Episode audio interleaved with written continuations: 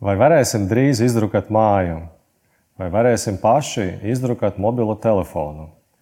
Par šīm tēmām runāsim ar Dīdzi, Baltika 3D vadītāju.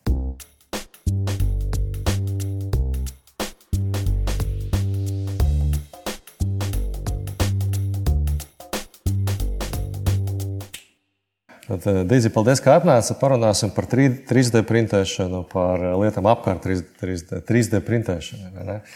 Es atceros, ka eh, pirmo reizi mēs, mēs nopirkām 3D printeri darbā, vai ne? Tas bija kaut kāds astotais gads, kaut kas tāds, vai ne? Un tad mēs izklaidējāmies un kaut ko tur sadrukājām, un bija tā lielā, angļuiski izsakoties, ekspektācija, ka 3D printēšana aizvietos tagad visu. Un, nu, it kā tādu redzamo lietu, kur tā 3D printēšana jau uzreiz kaut ko aizvietoja, nu, it kā nav.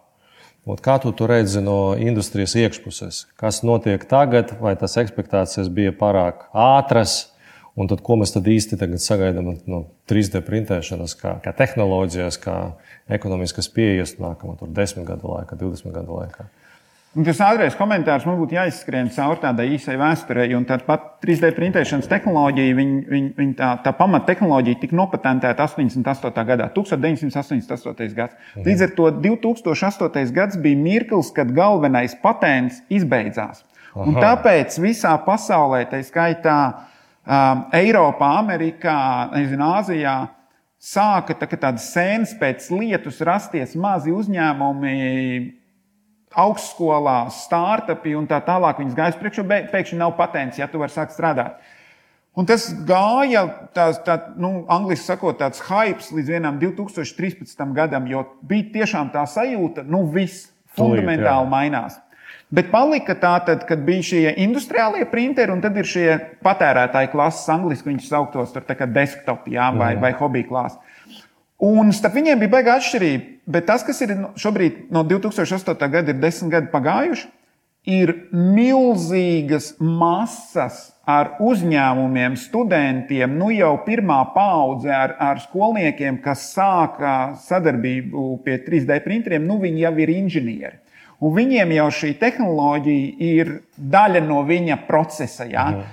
Un, um, un šobrīd tas, tas masa, kas ir paspēlējušies ar, ar, ar, ar patērētāju klases printeriem, nu jau viņi zīmē in, inženiertehniskas detaļas. Tas ir viens no tās uh, pielietojumiem. Otra ir arī tehnoloģija attīstās. Tehnoloģijas cenas samazinās, patērētāju klases printeri kļūst labāk, gudrāk.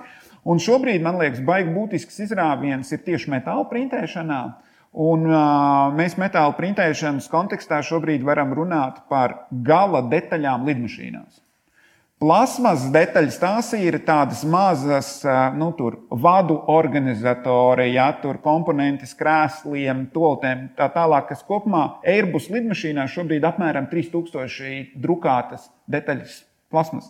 Bet nu jau sāk parādīties metāli, un tagad mans teiciens būtu tāds, Ja, ja, ja tu šaubies par 3D printēšanu, es droši vien jau sāku neieteikt, kā lidmašīnā, ja? jo jau ir virkni lietas, un viņi jau sev sāk pierādīt. Jā, tā jau ir ražošanas tehnoloģija, jā, atsevišķām detaļām, bet viņa nu, nāk iekšā. Ja? Un kuras tad būtu tās detaļas? Tās detaļas būtu tādas, kas šobrīd sastāv no vairākām komponentēm.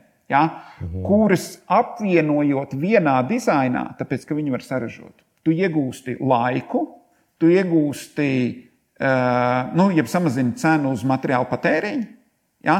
un tu īstenībā to mainot dizainu, tu varbūt vēl vari uzlabot funkcionalitāti. Uh mhm. -huh.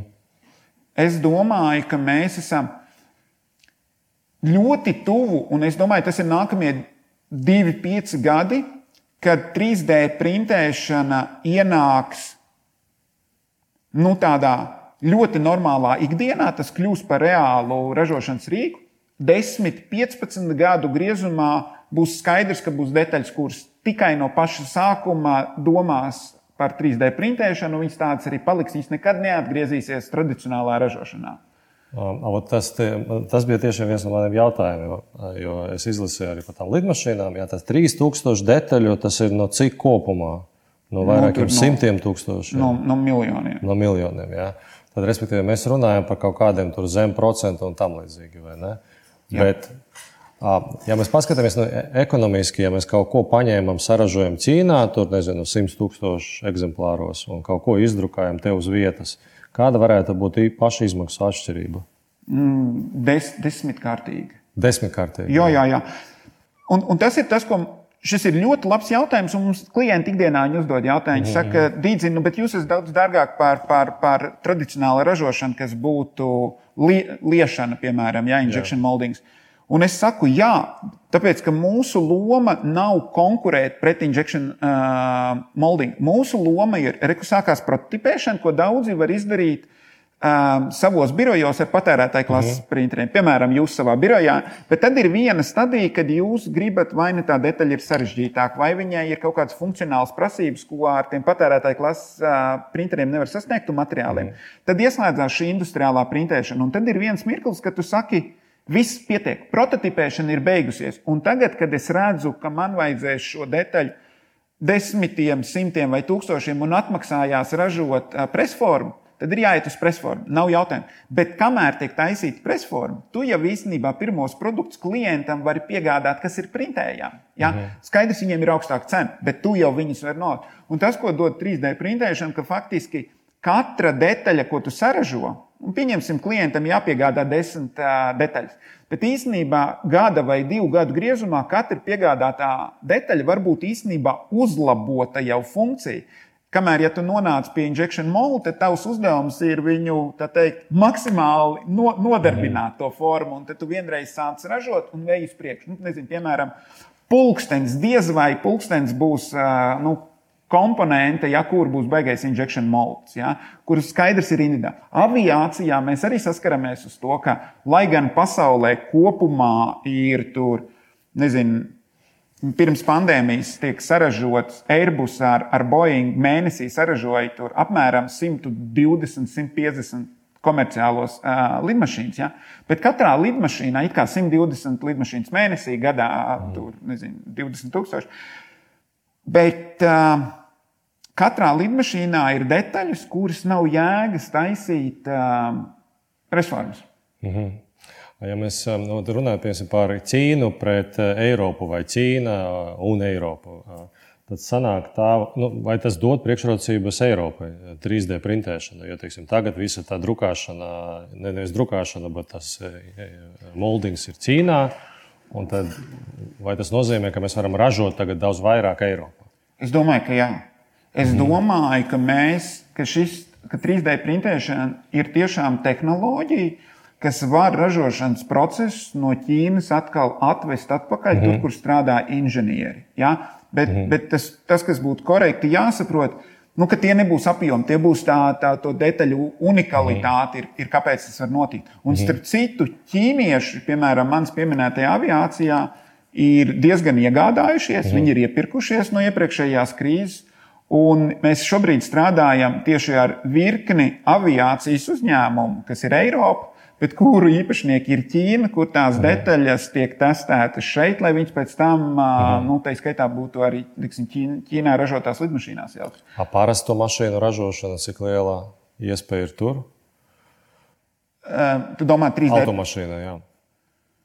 Ja mēs skatāmies, ja tas uh, lidmašīnas ir ļoti sarežģīts produkts, līdz ar to 3D printēšana tur ieiet ļoti labi. Jā. Teiksim, kādas ir citas sfēras, kur 3D printēšana? Automašīnu ražošanā 3D printēšana tiek izmantot viens stabils desmit gadus. Un mhm. pamatā automašīnu ražošanā tās ir nevis gala detaļas mašīnā, bet tie vairāk ir kā tie rīki, fiksatori, jigs and fixtures, jā, jā, okay. kas palīdz efektivizēt tev ražošanu uz, uz, uz, uz konvejeru. Mhm. Bet šobrīd parādās arī, piemēram, lielie transporta līdzekļi, nezinu, vilcieni, autobusi, smagās mašīnas, traktora tehnika, ja, kurā nu, tur pietiekami unikāls tās. Viņas ir lielas, nezinu, dārgas mašīnas, ja, mm -hmm. kur īstenībā klientam ir diezgan liela iespēja tur šo to customizēt. Ja? Un no tāda skatu punkta tur sāk parādīties arī gala detaļas. Mēs šobrīd arī Latvijā, kā Latvijā esošs uzņēmums,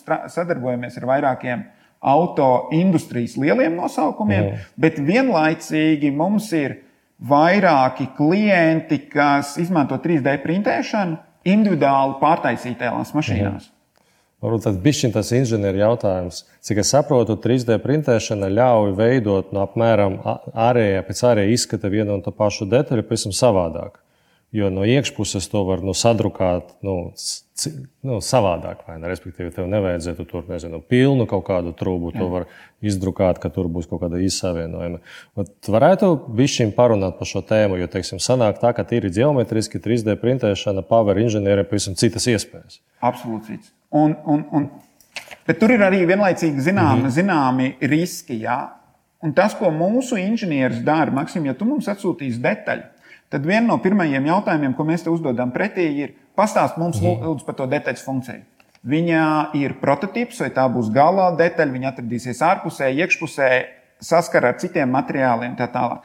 Otrā lieta ir, ka tad, kad mēs šo informāciju no tevīm saņemam, mēs pieņemam lēmumu, kā, nu, pieņemsim, krū, tā kā krūzītes formu, mm -hmm. jā, kā mēs viņu printējam. Jo mēs varam printēt ar atvērtu augšu, mm -hmm. mēs viņu varam tieši pretēji drukāt, vai mēs viņu drukājam uz sāniem. Mhm. -huh. Un no tā, tāpēc, ka tas printēšanas process ir slānīti pa slānītim, viņš parādīsies, ka tā potenciāla vieta ir, kur kaut kādā mirklī viņš iespējams pie spēkiem var, mhm. -huh. var lūst. Un tāpēc ir baigi svarīgi saprast, kas ir tava detaļa. Jo, ja mēs zinām, ka tev nu, teiksim, nezinu, kaut kāds iespējamais spiediens ir šāds, mhm. -huh. tad mēs to detaļu neprintētu stāvus, jo tad viņi iespējams var salauzt. Uh -huh. ja? Un mēs to novietojumu izdomāsim atbilstoši tam, mhm. -huh. kādas ir tavas konkrētās detaļas uh, funkcija. Vēl interesantāks jautājums priekš manis. Tad, ja mums ir viens un tas pats materiāls, piemēram, plasmasa vai metāls, tad vai ir tagad nu, skaidrs, ko 3D printēšana pret nu, to liešanu, ko 3D printēšana var izdarīt labāk? Teiksim, kādās situācijās ar 3D printēšanu, kā ražošanas procesu, mēs varam dabūt nu, daudz labāku detaļu no tā paša, nezinu, ka viņa būs. Uh, netiks smaga vai būs daudz vairāk izturīga? Smagu, jā, mēs varam būtiski samazināt svaru. Pa cik? Mums ir gadījumi, kuros mēs detaļai samazinām svaru, tur apmēram 90%. 9, 9 0. Jā. Okay. Tāpēc, ka, nu, teiksim, nu jā, svara samazinājums būs viens, jo tev, ja tā ir metāla forma, daudz kur, jā, jā, tev ir vienkārši tas, ko, jo ir jāsaprot tā, tas domāšanas formāts, kas ir piemēram, CNC frēzēšana, tev ir liels klucis, no kura mm. tu centies pēc iespējas mazāk izgrebt ārā. Jā. Ja? Un tāpēc tu, tu piemēro to kluci 3D printēšanas kontekstā, tu centies savukārt pēc iespējas mazāk, mazāk matēriju jā, jā. likt. Injection molds tev klasiski ir, ka tā ir presforma no divām daļām. Jā. Līdz ar to pieņemsim Tas ir geometriski ierobežota pieeja. Jā, Jā. un kaut kādos mirkļos tas, tā, tā, tās presformas pat vispār tur ir jāsaprot, kā tas materiāls tika padots. Un tev tur ir četri, viens molds, var sastāvēt no četrām, astoņām, desmit detaļām. Mm. Un tad tu to detaļu dabū, un tad, kā tu viņu jauc ārā, lai tu pie mm. viņas tiec. Bet ir viens uh, labs piemērs. Stādamies priekšā, ka mums ir, nezinu, nu vienalga kāda forma, bet mums iekšpusē ir tā kā U veida caurums, mhm. -huh. nu, kurš ir vienalga, vai tur būs uh, gaisa cirkulācija, tad šādu U veida caurumu pirmkārt CNC frēzi vispār nevar nodrošināt. Uh, no injection mold puses tas nozīmē, ka tev ir divas puses, un katrā pusē ir izfrēzēts tas, tas. UV. Kamēr no printēšanas viedokļa, Tur kā mēs uztais, būvējam detaļu, mēs uzreiz esam mm. uh, to tukšumu ieprintējam iekšā. Mm. Un ekonomikas ietvaros nu, tam ir ļoti liels e, ekoloģiskais efekts, jo mēs patērējam daudz mazāk materiālu. Tad cik lielā mērā tas, nu, tā tēma parādās? Kādā? Tā tēma ir ļoti aktuāla. Mums mm. šobrīd Latvijā izglītības zinātnes ministrijas programma praktiskie pētījumi, kur tur administrē CFLA. Šobrīd vērtē tā projekta ietvaros, mēs skatāmies uz detaļām, kuras aviācijā varētu aizstāt mhm. -huh. ar 3D printēšanu, kur tieši CO2 izmešu samazinājums avio industrijai ir super svarīgs. Mhm. Līdz ar to mēs šobrīd, strādājot kopā nu, ar starptautiskiem klientiem, meklējam formātus, kā parādīt. Jo no tā, kurā vietā tā detaļa lidmašīnā ir izvietota, priekšgalā vai aizmugurgalā, būtiski mainās tur nu, svāra ietekme, paceļoties, Jā. atstāja efektu uz degvielas patēriņu un atstāja uz, uz, uz nodokļu iespēju. Avio industrijai samazināt uh, izmešus un attiecīgi arī maksāt mazāk nodokļos ir supersvarīga tēma. Piemēram, būvēt mājas arī var tāda veida. 3D printēšana šobrīd starptautiski parādās būvniecības jomā. Es domāju, ka Latvijā tie ir vieni tuvākie divi, trīs gadi, kad mēs droši vien arī redzēsim kaut kādus pirmos prototypus. Jo arī būvniecības procesā mēs saskaramies, ka betons ir, ir, ir forša masa, bet, lai, viņ, lai tas betons varētu kaut ko izdarīt, viņam ir vajadzīgi veidi. Jā. Līdz ar to, jo sarežģītāka forma, jo mhm. sarežģītāk ir veidi, kamēr 3D printēšana var, izdarīt, jau. var to izdarīt bez, bez veidiem. Mhm. Un no procesa viedokļa, ko tā nu, printēšanas galva spiež ārā, vai tā ir plasmas, vai tas ir betons, tas jau ir ķīmijas jautājums. Un arī šobrīd ir superātri cietējoši betoni. Ja? Tas vienkārši ir jāatrod tas pielietojums. Skaidri, skaidri viena lieta, ka printēt jebko taisnu mhm. nav efektīvi. Ja? Jo tāpēc, ka pie taisnām detaļām ir cits, vai tu vari viņu aizstāt ar koku vai reku betonā. Bet tiklīdz mēs saskartos ar kaut kādu reljefu, ja, mm izvirzījumiem. Tur tā 3D printēšana var, var, var dot efektu. Un es domāju, ka būvniecībā viņi var parādīties arī nu, Latvijā virkne, virkne projektos. Tā skaitā jaunos, mm. modernos, ergonomiskos.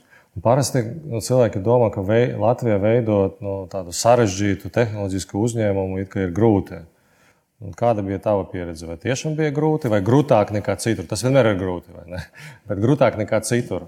Vai tev liekas, ka tas bija grūtāk Latvijā nekā citur? Nu, redz, tas mūsu stāsts ir. Uh, Mana izglītība, es esmu jurists. okay. uh, Nevienu dienu, kad ieguvu mm. izglītību, nestrādāju, strādāju kamēr studiju laikā, pēc tam es strādāju KPMG 5 gadus kā finanšu konsultants. Un, uh, un uh, pēc tam es sāku savu konsultāciju biznesu, un vienā mirklī es, es 13, 2013. gadā atradu 3D printēšanu, kā es pats mīlu teikt apzinātu meklējumu rezultātā mhm. nejauši atradu. Es apzināti meklēju kaut ko, bet, bet atradu 3D printēšanu, un es iemīlējos tajā. Un kopš 13. gada mēs septiņus gadus šeit esam. Un tas, ko mēs sapratām, ka, lai tu varētu ar šo tehnoloģiju konkurēt starptautiski, ir, ir, ir tev jābūt tādai zināmai kritiskai infrastruktūras masai. Un mēs katru gadu no šiem septiņiem esam piesaistot Eiropas Savienības fondu līdzekļus un savus līdzekļus, visu mhm. laiku investējuši iekārtās. Mēs nevienu gadu nekādas dividendes neesam ņēmuši ārā. Visa nauda, kas ir, mēs esam ļoti daudz gājuši pētniecības virzienos, mēs esam meklējušies. Um, ortožu printēšana, piemēram, medicīna ir sektors, kurā mēs esam. Ja? Tad mēs esam aviācija. Mēs esam gājuši materiāla izpētes un, un, un, un jomā. Ja? Uh, Mēs esam ļoti meklējuši to, to, to starptautisko unikalitāti. Es domāju, ka mēs šobrīd esam pēc tiem septiņu gadu meklējumiem, mēs šobrīd esam tajā stadijā, jā, mums ir skaidrs, ko mēs beidzot darām. Mm -hmm. jā, tas nav bijis viegls ceļš. Un, um, um, kā tev liekas, un tu strādāji lielā četrniekā?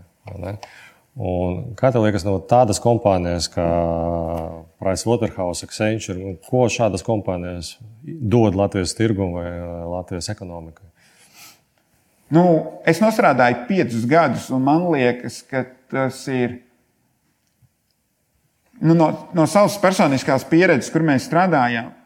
Ir skaidrs, ka tev ir jādara virkni darbu, kuri Latvijā jau nevienam nav tā pieredze. Viņi ir pietiekami, nezinu, tur unikāli. Un tas, ko tev dod šīs starptautiskās kompānijas, ir, ir baigā ātra pieeja -hmm. nu, tam citas valsts pieredzē, Pieredze, kur tu vari ļoti strauji pārnest uz tejienu. Jā, skaidrs, ka tas resurs tur ir daudz dārgāks. Jā. Mm. Viņiem šie projekti varbūt nav tik finansiāli interesanti. Bet kāpēc tās lielās kompānijas nāk uz šiem projektiem? Ir tāpēc, ka viņš šeit var iegūt pieredzi, kur pēc tam var labāk īstenībā pārdot mm. citos tirgos, kur stundas likme ir augstāka.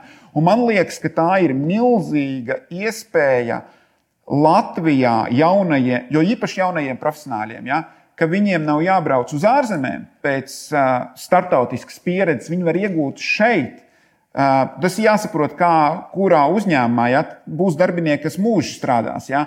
Bet, nu, droši vien, ko jūs redzat, ja, ka jums ir 3, 5 gadi, cilvēks pietiekami ambiciozs, viņš ar to pieredzes bagāžu izlicis ārā un ir gatavs uzsākt savu uzņēmējdarbību. Man liekas, ka tā ir tā lielākā vērtība, ka tu šeit uz vietas vari iegūt starptautisko pieredzi, ar kuru izkāpjot ārā, tu esi īstenībā stipri gatavāks.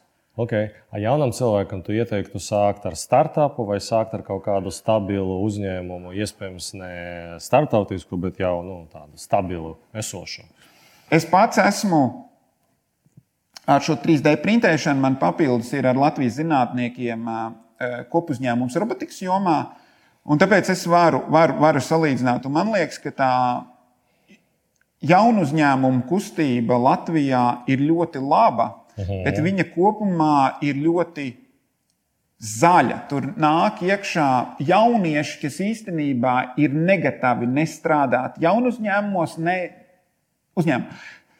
Man pašam šobrīd ir 40 gadi, un es esmu jaunu uzņēmumā. Bet um, tā lielākā lieta, kas jau ir vajadzīga, jaunu uzņēmums jau ir, ir, ir pagājis galīgi tas laiks, kad jebkurš, kuram radās kaut kāda ideja, kaut ko saliekot kopā, nu tikai ies iekarot tirgus. Nē, tā nu vairs nav. Šobrīd jaunu uzņēmumu ir, ir, ir atsevišķa industrija, kura ir ļoti asiņaina industrija, tur ir baigi specifiski konkurenti. Tev ir baigi skarbi jāstrādā, bet tieši tāpat kā tradicionālā uzņēmumā. Ja? Un īsnībā es pat negribu viņus tur pretnostatīt. Tā mhm. ir uzņēmēja darbība, kurā tev jāstrādā ar peļņu. Vienīgi tas, ka tev šobrīd ir iespēja piesaistīt investoru naudu, tev mentāli tu saproti, ka tavs pirmais klients ir investors, jo viņš apmaksā tavus mm. rēķinus, nevis reālais. Piemēram, frizētavās, ja mēs attaisām frizētavu, nu mums jau nav. Kurš mūsu vietā maksās rēķinus? Mums ir vajadzīgs klients. Ja? Un no tāda skatu punkta es domāju, ka jauniešiem ir jāiet strādāt uh, esošajās nozarēs, nezinu, gads, divi, trīs, kur viņiem ir jāsajūt tās industrijas ikdiena, mm -hmm. procesi, mm -hmm. un iespējams viņi var saskatīt uh, uh, pilnveidojumus. Un, un būtu baigi svarīgi, piemēram, tavā uzņēmumā, Maksim, ir, ka tavi uzņēmumi, tavi darbinieki nāk ar, ar, ar, ar pirmo iniciatīvu, klau varētu šo pilnveidot, iet pie tevis, un tu kaut kādā mirklī saki, jā, šī ir pilnveidojama lieta, bet viņa nekādīgi mums neatstāja efektu uz, uz ieņēmumiem vai izmaksu samazināšanu. Mhm. Kopumā mēs to varam darīt, bet īstenībā nav skaidrs, kāpēc. Un šī ir viena no svarīgākām lietām, kas ir katram jāsaprot, kurš grib nodarboties ar uzņēmējdarbību. Vienīgā iespēja tev izrakstīt kādam klientam rēķinu, mhm. -huh. ir, ja tu risini šī klienta problēmu. Nevis tāpēc, ka man liekas, ka kaut ko vajag darīt, uh mhm. Šitā tāpēc arī tie startupi mirst, vai vispār uzņēmumi mirst, tāpēc ka viņi nerisina to problēmu, kas kādam vajadzīga. Un šī ir tāda analītiska lieta, kas ir jāiemācās. Un to var iemācīties tikai esošajās organizācijās. Nu, pateica, ka nu, startup vide, man arī liekas, ka startup vide ir ļoti aktīva, un mums tā vide ir. Bet vai, tā, bet vai mēs esam veiksmīgi startup vidē? Kā tu būtu nodefinētu no to veiksmes, nu, piemēram, nacionālās veiksmes līmenī Latvijā? Vai, vai mēs vispār esam veiksmīgi tajā jomā? Es biju, biju um, no pagājušā gada, ne no 19. gada beigām. Es biju sešus mēnešus jaunu uzņēmumu asociācijas valdē, un es uh, vasarā atkāpos, jo es nevarēju vairs veltīt tik daudz laika, cik, mm -hmm. cik būtu būt vajadzējis. Bet mēs bijām iesaistīti divās lietās, eh, kā asociācija kopā ar eh, Reņģa Notiņu, saimnes deputātu, kurš ļoti aktīvs ir. Um, tajā akciju opcija, darbinieku opcijas, jā, un, un, um, un otrā lieta - startup likuma pilnveidošana. Šobrīd es domāju, ka abi šie regulējumi ir viena no labākajiem Eiropā. Mhm. Jā, tātad regulatorā vide mums ir īstenībā forša. Mums jaunu uzņēmumu var saņemt saņemt. Es domāju, ka mums Latvijā šobrīd ļoti, ļoti trūkst uzņēmējdarbības gars kā tāds. Ja? Un es skatītos, kā tajā jaunu uzņēmumos nāk iekšā nevis augstskolu beidzēji, bet viņos nāk iekšā tādi 30, 35 gadīgi cilvēki, kas -huh. ir mhm. pietiekami apbružājušies, -huh. kuriem jau visdrīzāk, nu, kuriem ir ģimenes un, un, un bērni, viņiem -huh. ir zināma tāda dzīves stabilitāte. Viņš tagad saka, ok, es redzu, ka es varu kā algots darbinieks kāpt šeit, bet es ar ambīcijām, nezinu, izpratni un to problēmas redzējumu, varbūt varu iz, iz, iz, izlaikt, varbūt kaut kur straujāk, jo ir bijis vajadzīgs savs finansējums un tā savs, savs, savs dzīves pieredze. Mēs neesam milzīgs veiksmes stāsts no tāda multiplikatīvā efekta. Proti, mums Latvijā nav noticis izņemot mhm. fintech sektoru. Fintech sektorā, es domāju, mēs esam baigi lielais veiksmes stāsts. Uh mhm. -huh. Bet izņemot fintech, mēs neesam.